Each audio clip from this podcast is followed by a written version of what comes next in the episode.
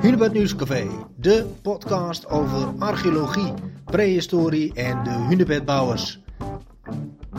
Vandaag spreek ik met Fred van der Beent. Hij beheerde het archief van het Drents Museum, was beleidsmedewerker ruimtelijke ordening bij de provincie Drenthe, is secretaris van de AWN, voorzitter van de Archeologische Vereniging Noord-Nederland en als penningmeester is hij betrokken bij het Hunebedcentrum. Ik bespreek met hem een bijzonder onderwerp, namelijk hedendaagse rituelen bij prehistorische grafmonumenten. Fred, we zitten hier bijeen en we gaan het dus even hebben over dode rituelen bij prehistorische grafmonumenten. Ehm, nou zijn daar natuurlijk allerlei archeologische vondsten die misschien verwijzen naar vroeger dit en dat, maar we gaan het hebben over hedendaagse dode rituelen bij prehistorische grafmonumenten. Um, ja, laten we eerst maar eens even beginnen wat prehistorische grafmonumenten eigenlijk allemaal zijn. Natuurlijk kennen we de hunebedden, maar er is meer te zien in het landschap. Ja, als je door het Drentse landschap uh, heen loopt en je hebt daar oog voor, dan zie je meer dan de hunebedden en de grafheuvels.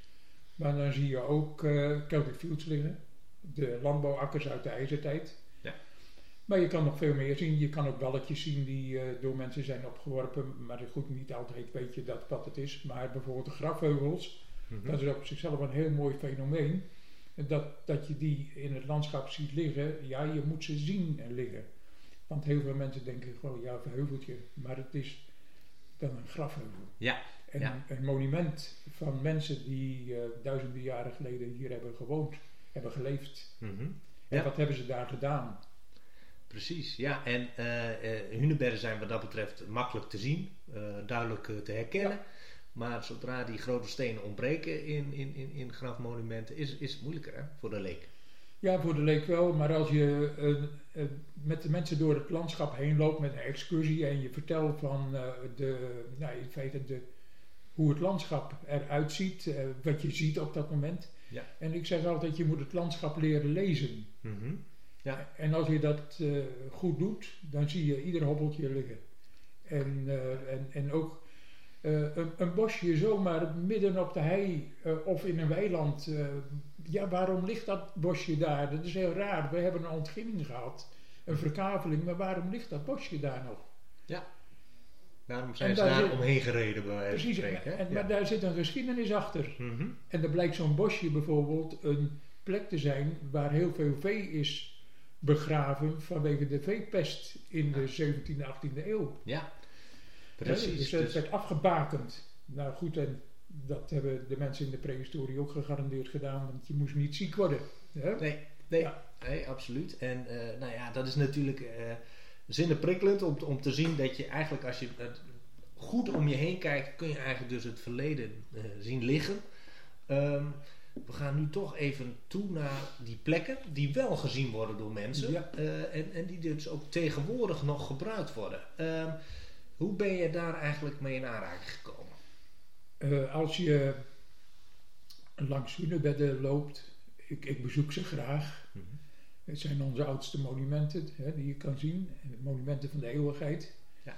En ik zoek ook nog wel eens of we nieuwe grafheuvels kunnen vinden. Ja. Uh, dan kom je ook dingen tegen dat je denkt, hé, hey, wat is dit nu? Ja. Bijvoorbeeld, uh, bij hunebedden, het is even het makkelijkste onderwerp, waar het ook het meest gebeurt, is dat mensen daar uh, hun as, de as uitstrooien van hun dierbaren. Oké, okay. ja. nou, dat gebeurt vaker dan je denkt. Hmm. En ik zie dat ook meteen of het gebeurd is.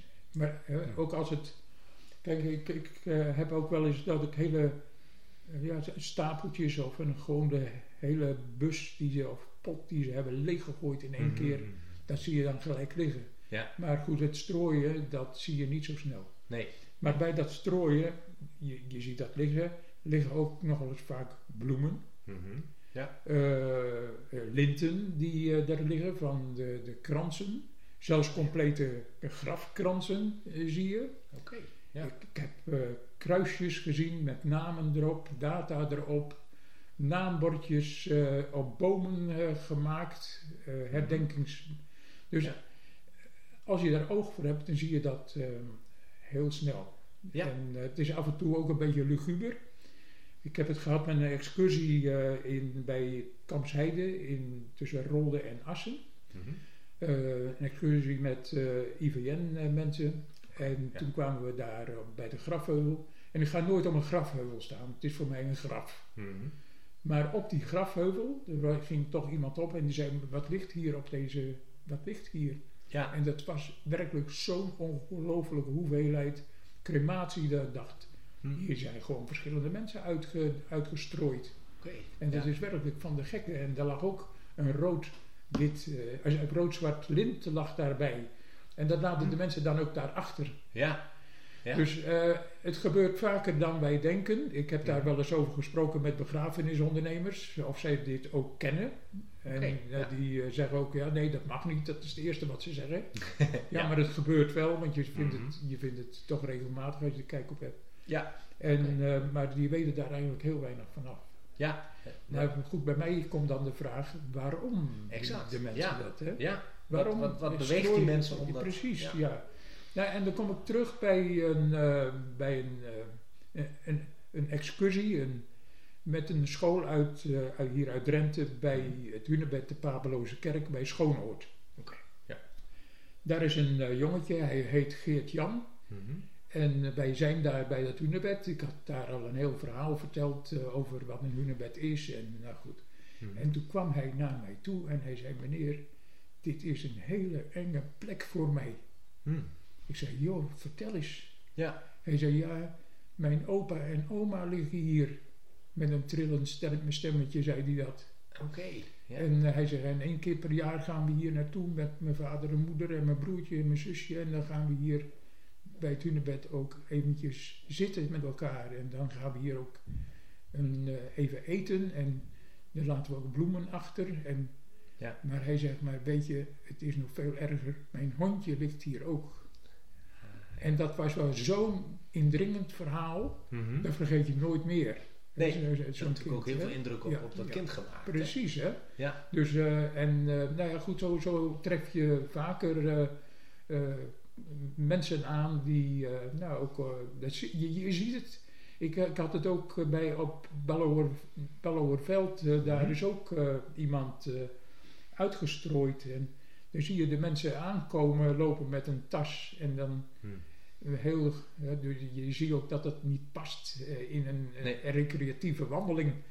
En dan lopen Mhm. de mensen daar eh, naar een eik en daar strooien ze Mhm. de as uit van hun dierbaren.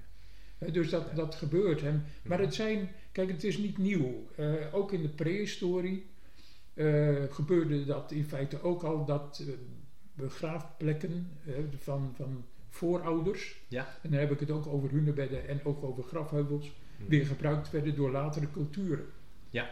Een, Mhm. eh, een, een voorbeeld is eh, het hunebed eh, D15 bij Loon Ja.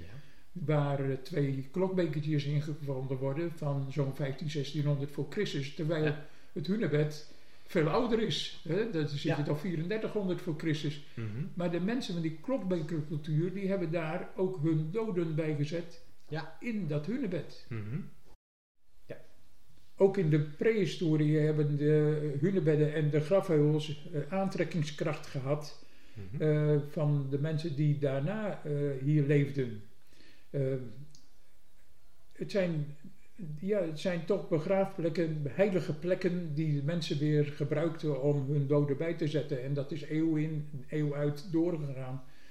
Dus, Ja. eh, Wat dat betreft heel erg belangrijk. En in de middeleeuwen werden, deze, werden de grafheuvels bijvoorbeeld weer gebruikt Mhm. voor, om een galgenberg daarvan te maken.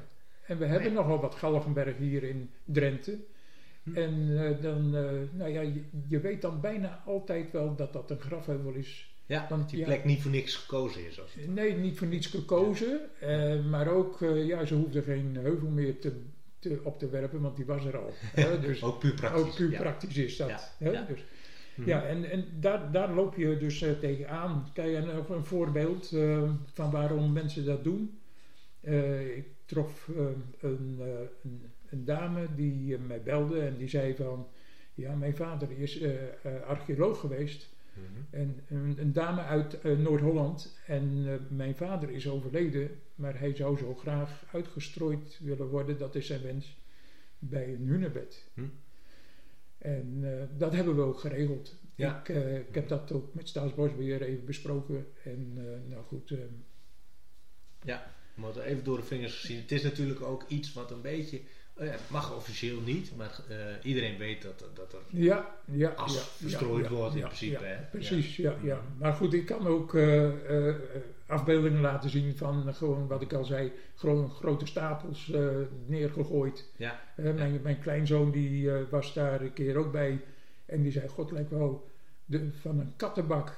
En Oh, ik ja. zei, ja, nee, dit is een mens die daar ligt. Ja, ja, ja. ja. En hij begreep dat niet, dat mensen zomaar zo'n Ja. dat daar neer wo- gooiden. Hè? Nee, Eh, ja. Daar ga je toch anders mee om. En dan heb je Mhm. een kind bij je die daar dan ook al over nadenkt. ja, ja. Hè? Het is natuurlijk ehm, ja, het is bijzonder dat, dat die plekken een, een, een, een blijvende aantrekkingskracht hebben. Ehm, maar eigenlijk, ja, wat natuurlijk ook bijzonder is, is, is eigenlijk dat wij daar een beetje los van geraakt zijn, misschien op een bepaalde manier. Ja, de een wel, de ander niet. Mhm. De een die gaat anders eh, om met de dood dan de ander. Ja. Dus eh, dat is eh, verschillen. Het zijn er heel vaak eh, natuurmensen die dit doen. hè? En toch ook het naar zo'n plek brengen van ja, de ja je, weet, je weet het niet precies, maar dit is toch wel een hele goede plek om vader of moeder of Mhm. kind of zusje Ja. ja, daar naartoe te brengen. Mhm. Het is een, een, een, een heel moeilijk onderwerp hoor, ook om erover te hebben met mensen. Ja. Maar ja, ze zoeken toch deze plekken op. Ja. En ieder mens heeft zo zijn wensen. Mhm. Ja, En, tuurlijk. eh, ja. ja. En eh, eh, ja, goed, het- we weten dat, dat, dat die grafmonumenten altijd van belang zijn geweest. En we, ook in archeologie zijn natuurlijk, hè, je vertelde al even van, van de klokbekers, eigenlijk Ja. duidelijke vondsten die, die erop wijzen dat, dat, dat het generatie na generatie eigenlijk gebruikt is. En Ja. ook, ook verschillende volkeren. Ehm, en toch zijn er dus mensen die er nu gewoon opklimmen en klauteren Ja. en eh selfies eh, eh, bovenop maken. Klopt. Ja, ja, ja hoor. Dat is dan de andere kant, hè? is de andere kant. Kijk, nog, nog een anekdote uit Duitsland. We waren daar met overigens medewerkers van het Hunebedcentrum Mhm. en van eh, de archeologische verenigingen. Mhm. werden we uitgenodigd om eh, in, bij, in de buurt van Osnabrück bij een opgraving van een urn te zijn. Ah. Maar die urn die lag bovenop een hunebed. Kijk, wij kennen onze hunebedden hier als skeletten, hè, alleen stenen. Ja. Maar in Duitsland liggen er nog, Ja. nog hu- hunebedden met een heuvel eroverheen, zoals de hunebedden vroeger waren. Ja. En het was een eh, looppad over het hunebed, ook nog hunebed heen. Je houdt het niet voor mogelijk. En eh, daar was door, het, eh, door de erosie, was daar de bovenkant van een pot te zien. Hm. En die pot die is toen opgegraven in bijzijn van ons.